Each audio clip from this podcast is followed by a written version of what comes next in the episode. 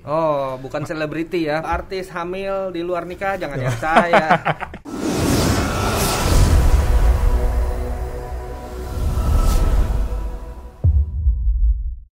Welcome back to Carvaganza and let's talk about cars. Ini adalah podcast Carvaganza, episode pertama dan kita akan bicara soal mobil listrik. Dan sekarang kita udah kedatangan narasumber spesial yang kita semua udah kenal ya, Siap. Super sibuk ya. super sibuk. Waduh. Bapak Rudi Salim dari Prestige Motor Cars. Siap. Selamat datang Mas. Terima kasih udah ngundang, terima kasih udah Welcome, ngundang. Terima kasih udah menyempatkan diri ya untuk datang ke sini Mas Siap, Rudi. terima kasih. Karena kita tahu Mas Rudi ini sangat sibuk sekali ya. Enggak juga lah, justru mau nyari kerjaan. Oh, Nih, gitu. Liatin koran nih, ada kerjaan apa kira-kira? Oke Mas Rudi, jadi episode pertama ini kita tuh eh, menanggapi isu-isu yang sedang marak terutama di awal tahun ini. Iya. oke. Terutama tentang mobil listrik nih Mas Rudi. Oh, bukan selebriti ya, mobil Bukan, listrik. Oh, bukan. selebriti narkoba gitu. Oh, kan. di luar anak kita Oke, ya. siap.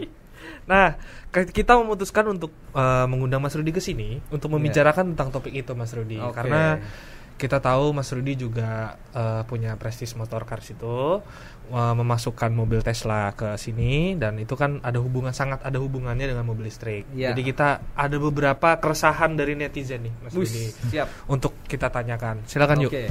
Oke, yang pertama, gimana bisnisnya untuk Tesla sekarang? Bisnis eh, ketika 2014 itu pertama kali kita mengenalkan Tesla Model S. Pada saat itu belum ada sama sekali wacana pemerintah tahu bahkan melirik mobil listrik. Kecuali Pak Dahlan lah pada saat itu masih agak melirik, tapi pemerintah belum benar-benar melirik pada saat itu. Kurang Belum terlalu serius waktu itu ya? Iya, terus baru dua tahun kemudian kalau nggak salah ya, saya juga agak lupa. Kita masukin model X. Nah, Oke. jadi setelah model S, model X. Nah, baru di tahun 2019 Oktober atau September kita masukin model 3, model 3 itu Iya. yang paling laku memang. Di tahun 2020 kena Covid di bulan Februari Maret ya kurang lebih. Nah, itu penjualan turun. Tapi sekarang ya bisnisnya udah mulai catch up lagi, udah mulai naik lagi. Jadi model 3 sekarang yang paling laris ya? Sekarang yang paling laris model 3. Paling compact juga kan kalau nggak salah ya?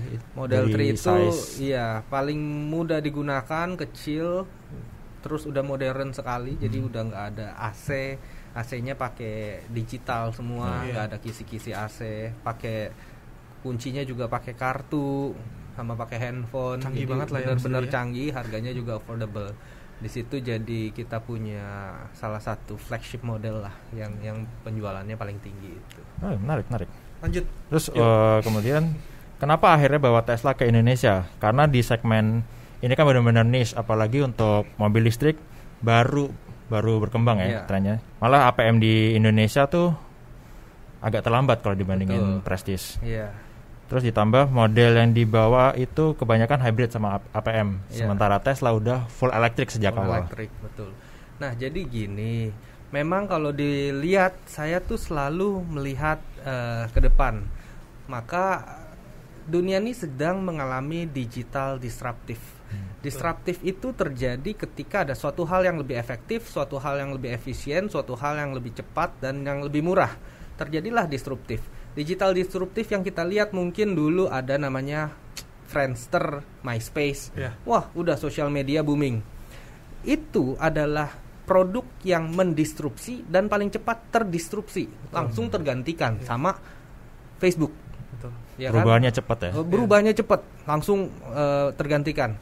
Eh, Google juga dulu Yahoo, Yahoo, langsung tergantikan dengan Google. Bukan tidak mungkin 10 tahun kemudian terdistrupsi lagi dengan yang lain. Jadi eh, benar-benar sekarang terjadi digital disruptif yang sangat cepat.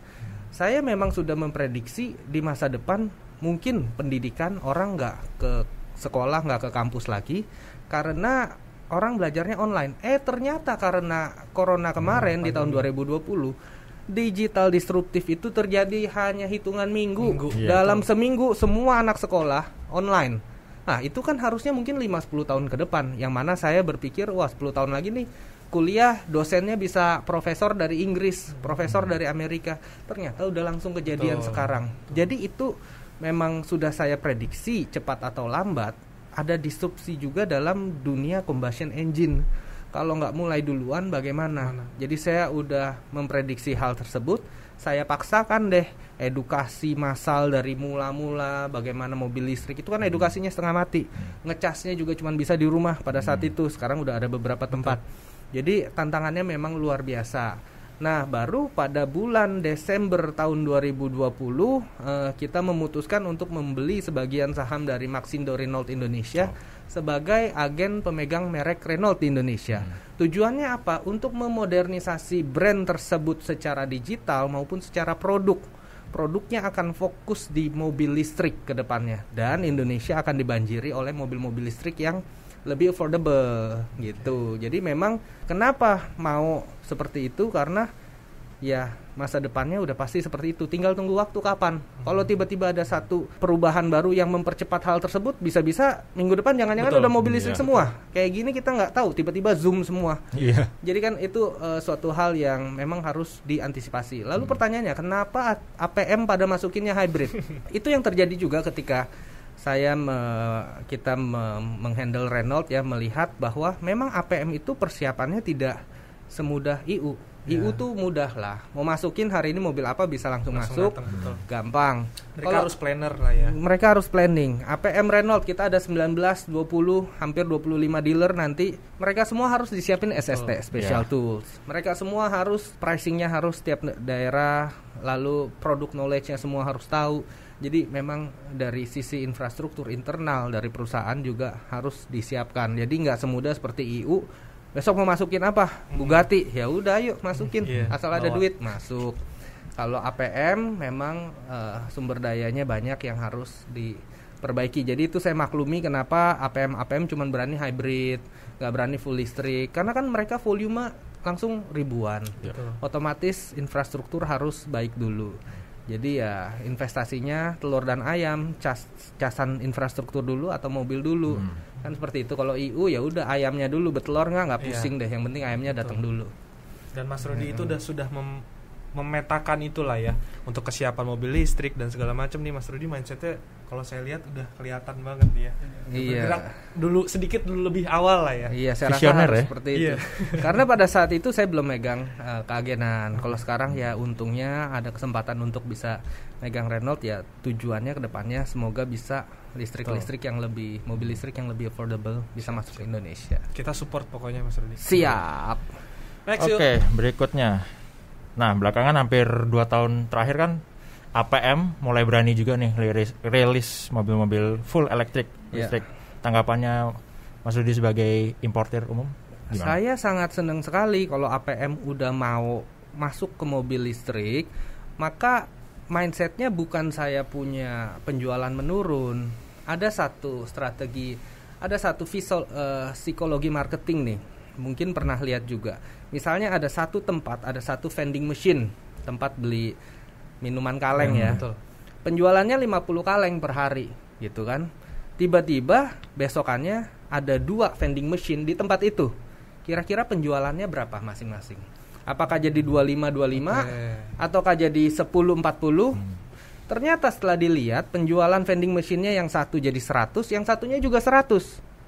Karena tadinya orang berpikir hari ini mau beli nggak ya? Begitu lewat vending machine-nya ada dua, orang jadi berpikir mau beli soft drink A apa B. B. Jadi pilihannya Jadi mau beli A apa B. Kalau tadinya pikir beli nggak ya, sekarang jadi mau beli tinggal pilih merek A atau B. Jadi secara psikologi penjualannya malah meningkat gitu. Jadi kalau memang APM pada masukin unit, pendidikan untuk para masyarakat pun jadi lebih tinggi, orang jadi lebih mengerti mengenai mobil listrik, maka saya pun untuk menjual jadi lebih mudah. Sama-sama meyakinkan para customer bahwa eh, ini tak terelakkan mobil akan jadi mobil listrik semua.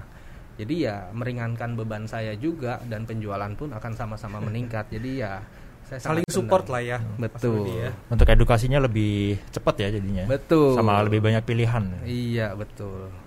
Oke, berikutnya. Nah, tadi kan udah dijelasin nih kelebihannya dari IU untuk jual mobil listrik dibandingkan APM. Iya. Sekarang apa kesulitannya dari importir umum untuk Iya, Jual kesulitannya balik lagi reputasi. Kalau APM itu udah jaminan mutu lah, misalnya kan gitu. Kalau EU memang harus berdasarkan reputasi. Bagaimana selama ini? Jadi itu ya kita harus brand building dulu, harus brand awareness, brand building Betul. sampai kita mendapatkan brand loyalty dari para customer kita, sehingga customer sudah pada loyal terhadap eh, produk yang kita jual. Eh, tanpa itu ya memang untuk EU sulit sekali jualan. Dan itu banyak kok yang di daerah-daerah tertentu di Jakarta. Banyak bursa otomotif ya. Di daerah A daerah B banyak bursa otomotif. Eh, hari ini timbullah showroom baru. Minggu depan hilang. Hilang, betul. jadi ada Timbul hilang. tenggelam ya mas iya. Ya? karena memang eh, reputasi balik lagi. Apalagi kalau tidak di manage dengan good corporate governance tidak di manage dengan cara tata kelola perusahaan yang baik ya bisa jadi servis dan kualitas produk yang diberikan kepada konsumennya jelek beli mobil di EU nggak taunya ada yang lecet Ya, ada yang rusak betul. delivery kepada customernya jelek jadi susah gitu nah itulah yang membedakan EU dengan ATPM yang lebih sulit memang EU Oke, next kan berarti dengan Seru ya. menjual eh, mobil listrik sekarang udah ikut masuk juga ke industri otomotif ya. Eh, kalau melihat tren kendaraan elektrifikasi atau kendaraan full elektrik di Indonesia sih gimana sih ke depannya? Saya rasa Pak Jokowi ini sangat visioner. Terbukti dari pertama Perpres 55 tahun 2019 mengenai percepatan kendaraan bermotor Hmm. berbasis baterai. Hmm. Itu dari situ aja udah kelihatan.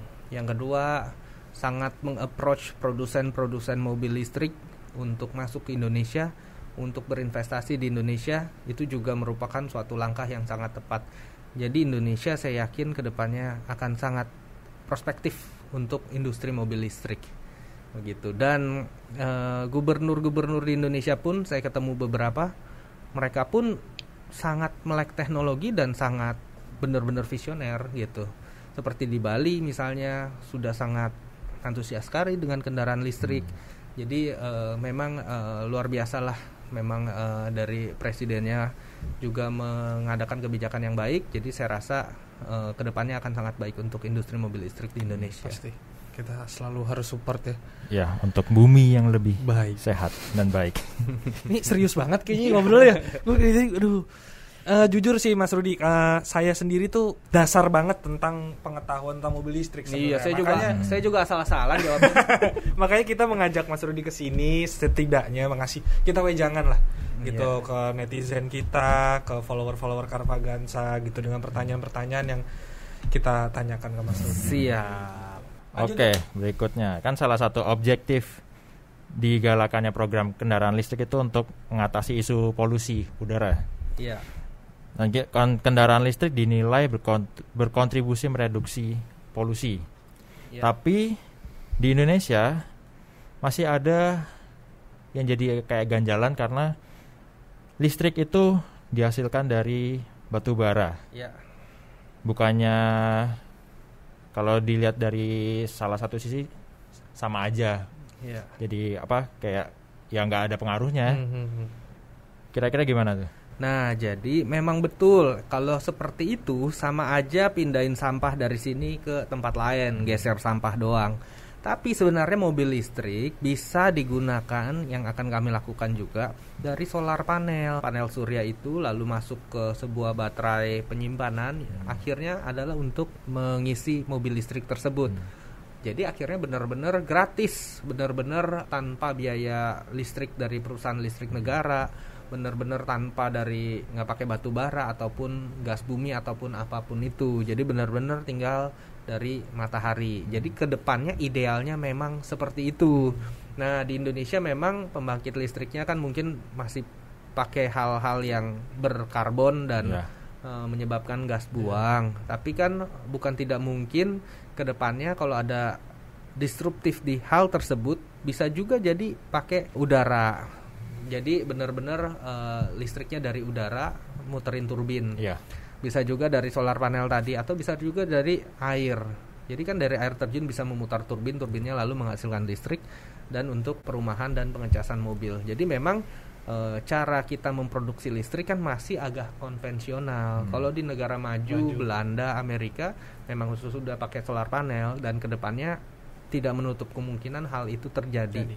Tapi kalau dari end usernya sudah bisa menggunakan listrik, outputnya sudah bisa menggunakan listrik, inputnya itu kan terserah. Kalau sekarang kan mungkin pakai batu bara dan sebagainya. Kalau inputnya nanti dikonvert menggunakan angin, air, matahari, itu kan urusan belakang. Yang penting kita udah nggak pakai bensin dulu, Betul. gitu. Daripada ntar inputnya udah pakai matahari, pakai apa, mobilnya masih pakai Iya, bensin. fosil-fosil lagi. gitu. Setidaknya ini di, sudah merupakan sebuah langkah yang tepat. Itu. Jadi ya nggak apa-apa. Itu kan ke depannya bisa pakai solar panel dan sebagainya. Bertahap ya. Bertahap. betul. Soalnya solar panel sekarang masih mahal banget sih. Iya. Secara cost masih mahal, Masih tapi mahal. ada beberapa produsen yang harganya sudah mulai masuk akal. Oh. Tapi ya tinggal tunggu waktu. Nah, kalau kita lihat 20 tahun yang lalu kita pakai handphone aja segede apa? Iya. Harganya aja berapa mahal. Sekarang handphone yang kita gunakan jauh lebih modern dibandingkan tahun 60 punya komputer NASA, bayangkan. Jadi ketika NASA kirim eh, astronot ke bulan dengan handphone kita, kemampuan komputernya lebih bagus sekarang yang ada di tangan kita. Jadi eh, bukan tidak mungkin hal tersebut bikin semuanya jadi lebih murah, affordable. Yang penting udah ada gerakan dulu untuk mau merubah apa yang kita gunakan dari combustion engine menjadi electric vehicle. Begitu. Mudah-mudahan sih kalau demandnya makin banyak bisa makin Iya. turun ya harga solar panel. Pasti, pasti. Harusnya sih seperti itu sih. Hmm. Betul. Betul. Oke, kan kita tahu kalau kendaraan listrik ini butuh infrastruktur yang beda dari mobil konvensional ya. Iya. Tapi ya walaupun hampir dua tahun belakangan tren mobil listrik udah lumayan naik, Iya. tapi untuk infrastrukturnya masih harus catch up sama model-model yang dil- diluncurkan di Indonesia. Sebenarnya apa sih yang terjadi dari kacamata importer soal yang disiapkan pemerintah soal infrastruktur? Iya, jadi infrastruktur bisa disiapkan pemerintah ataupun swasta. Kalau pemerintah tentunya langsung mensupport industri mobil listrik secara keseluruhan. Kalau swasta tentunya balik lagi ke feasibility study. Apakah yang diinvestasikan itu ada return on investmentnya? Ketika menghitung ROI, balik lagi berapa jumlah unit yang ada di populasi sekarang supaya bisa returnnya lebih cepat. Jadi itu kan kayak telur sama ayam. Kecuali ada gerakan pemerintah yang memang sudah dilakukan, ada banyak titik-titik PLN melakukan eh, SPKLU stasiun eh, pengisian bahan bakar listrik umum di lumayan banyak titik. Nah, karena ada itu baru mobilnya makin banyak. Tetapi sebenarnya mindset dari mobil listrik itu kalau kita pakai Tesla, kita berikan pengisian charging port di rumah yang mana 4 jam full 400 km biaya pengisiannya itu perlu 70 kW 1 kW itu 1300 kurang lebih lah. Jadi 90 100 ribu bisa 400 km jadi sangat murah seminggu sekali ngisi 100 ribu. Dibandingkan mobil biasa mungkin 300 400 ribu. Seperempatnya lebih murah. Nah lalu kalau ditanya jadi ngecasnya susah dong harus di rumah. Justru pola pikirnya salah. Ini sama kayak punya pom bensin di rumah loh mau ngisi bensin kapan aja bisa. Kenapa kita isi bensin di luar? Karena bensin kita mau habis baru kita isi. Kalau ini baterainya belum habis isi aja. Iya, kapan pun kita mau kapan pun. pergi. baterainya sisa 80% pokoknya sampai rumah mau tidur colok besok 100% bisa 400 kilo lagi. Jadi mindset inilah edukasi ini yang kita terus-terusan berikan kepada konsumen bahwa nggak usah khawatir cari pom bensin. Anda seperti punya pom bensin di rumah apa iya sehari pakai 400 km Hmm. paling-paling 70 100 udah capek juga udah pegel nyetirnya kali.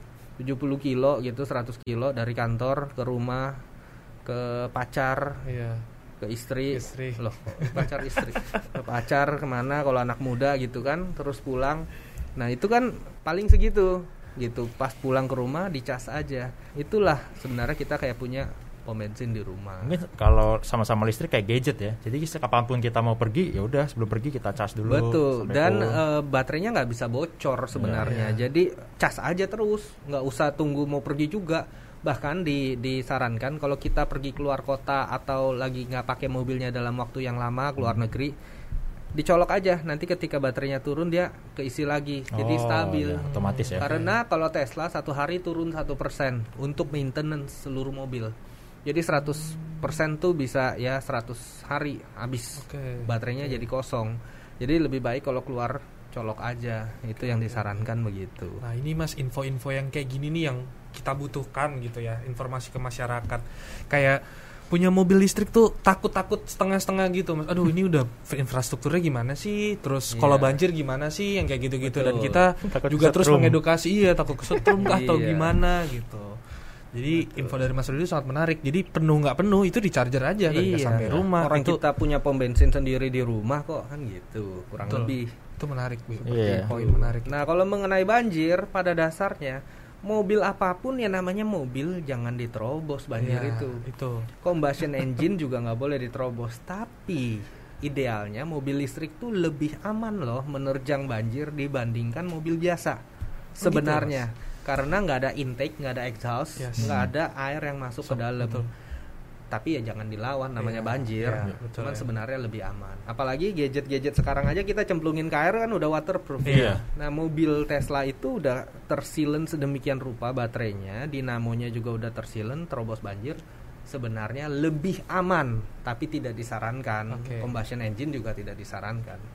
Jadi ya seperti itu. Ya engineer-nya udah memperhitungkan Iyalah pastilah. rupa. Udah Iya. udah nguji tuh lewat banjir-banjiran segimana Betul. sampai batasannya. Intinya Tesla itu kan dari Amerika dan Amerika terkenal eh, pengguna yang kritis.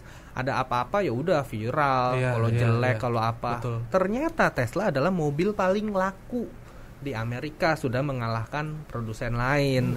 Jadi eh, saya rasa ya itu udah proven konsep lah, sebuah konsep yang sudah terbukti yang tinggal kita nikmati aja di Indonesia. Nah, kalau Renault mobil listriknya terlaku di Eropa. Eropa. Di Eropa mobil listrik paling laku bukan Tesla tapi Renault. Nah, Renault, itulah ya. yang mau kita eh, sajikan di Indonesia sehingga mau kiblatnya ke mana? Eropa apa ke Amerika. Amerika? Semuanya ada, kurang lebih kan begitu. Gabungin aja Mas kalau bisa. Ya Iya. kan Mas Rudi punya Tesla, punya Renault juga. Gabungin aja ya. Gabungin. Oke. Lanjut yuk. Kalau bicara soal Tesla kan masuk ke segmennya itu lebih ke premium ya. Sebenarnya Data iya. untuk harga juga masih di atas rata-rata Iya. mobil Betul. medium ke high end. Betul. Nah, kalaupun mobil ini punya fitur yang sama dengan mobil konvensional, kira-kira memungkinkan nggak sih untuk bikin mobil listrik ini harganya lebih terjangkau lagi? Iya. Mobil listrik cost paling tingginya kan tentunya baterai. Baterai itu dari negara-negara lain mahal karena produksinya nggak banyak, sumber daya manusia atau labornya untuk menggali bahan baterai itu mahal kalau di luar negeri. Itulah cost pertama yang paling tinggi. Kalau teknologi sekarang udah nggak terlalu mahal ya.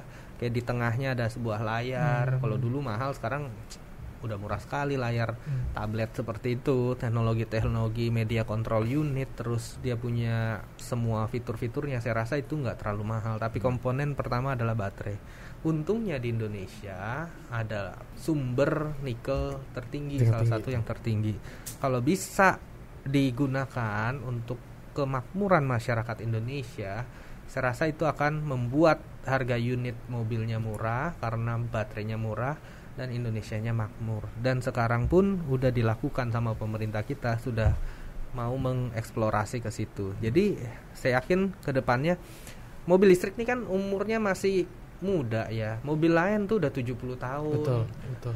Renault tuh sudah 123 kalau nggak salah tahun. Tesla tuh baru umur berapa kelihatan di jalan? Baru umur 12 Iya. sebenarnya Tesla dari tahun 2006 2007 cuman di jalan yang model S kalau nggak salah Mas 11 atau produknya baru 12. beberapa Iya. tahun ini ya. Bayangin baru 10 tahun. Sedangkan mobil lain 70 tahun kayak Porsche, eh, Lamborghini Hmm, betul. atau eh, Mercy udah 70 atau mentok-mentok 120. Tesla tuh baru 10 tahun. Jadi kalau bukan tidak mungkin lima tahun ke depan harganya separuh atau Iya, apa. betul. Kalau baterainya murah gitu. Eh enggak, mungkin 10 tahun ke depan, lima tahun ke depan ntar nggak ada yang beli mobil dari saya. Tunggu lima tahun lagi lagi bilang. Apalagi udah ada yang mau produksi mobil listrik juga ya di sini. Iya. Yang lagi siap-siapin pabriknya. Bener, tapi ya balik lagi siap pabrik itu kan nggak cepet ya, Ya. bikin pabrik dan mungkin dua tahun lagi saya rasa udah bisa terrealisasi. Kalau kita lihat memang dari penjelasan itu masih banyak PR untuk membangkitkan tren atau pasar mobil listrik di Indonesia. Kira-kira. Banyak banget PR-nya. ke depannya mau ada cara apa untuk sosialisasi soal elektrifikasi? Iya, Indonesia? sosialisasi sih kalau dulu memang kita masih pakai cara konvensional dengan mengadakan pameran, mengadakan eh, test drive umum dan penjelasan-penjelasan kepada para peminat mobil listrik ya. Kalau sekarang memang sejak sejak eh, digital disruption kita melakukan semuanya serba digital. Contohnya aja bisa beli mobil via marketplace Betul. bisa beli Tesla via marketplace dan heboh lah tuh di mana-mana kemarin. Memang beneran dibeli gitu kan. Lalu kita juga bisa test drive di rumah aja. Kita punya hashtag. Itu bisa lewat marketplace, bisa juga lewat website kita. Itu orang bisa ya udah bisa ajukan test drive, mobilnya kita kirim ke rumah. Dan sosialisasi ya tentunya di platform-platform kita kita jelaskan nih loh mobilnya seperti ini, fasilitasnya seperti ini, keunggulannya seperti ini keuntungan menggunakan mobil ini apa saja kita jabarkan. Eh, jadi sosialisasi yang paling menurut saya paling efektif dan efisien eh, itu adalah melalui digital dan kita juga sering menggunakan para influencer lah, Hmm. artis untuk membantu melakukan penjelasan Sosialisasinya ya Mas ya. Betul. Kalau konvensional adain pameran gitu juga sekarang kan lagi nggak bisa. Iya. Mall juga bukanya waktu sangat terbatas. Terbatas, betul. Jadi udah nggak terlalu efektif. Kalau digital yang lihat bisa jutaan. Betul. Kalau datang ke mall seribu aja udah sumpek. gitu. Jadi ya seperti itulah yang kita lakukan sekarang. Oke, pertanyaan berikutnya Ki, kita main santai nih. Ada lebih fun lah. Ada quick question dari Dandi. Oke. Bakal ditanyain. Siap. Kita ada lima pertanyaan, Mas Rudi harus menjawab cepat. Waduh. Pilih mana nih? Ada Waduh. dua pilihan, dua pilihan. Slow ini. aja dong. Oh iya. Setidaknya harus responsif jawabnya, Oke, Mas. siap. Siap ya?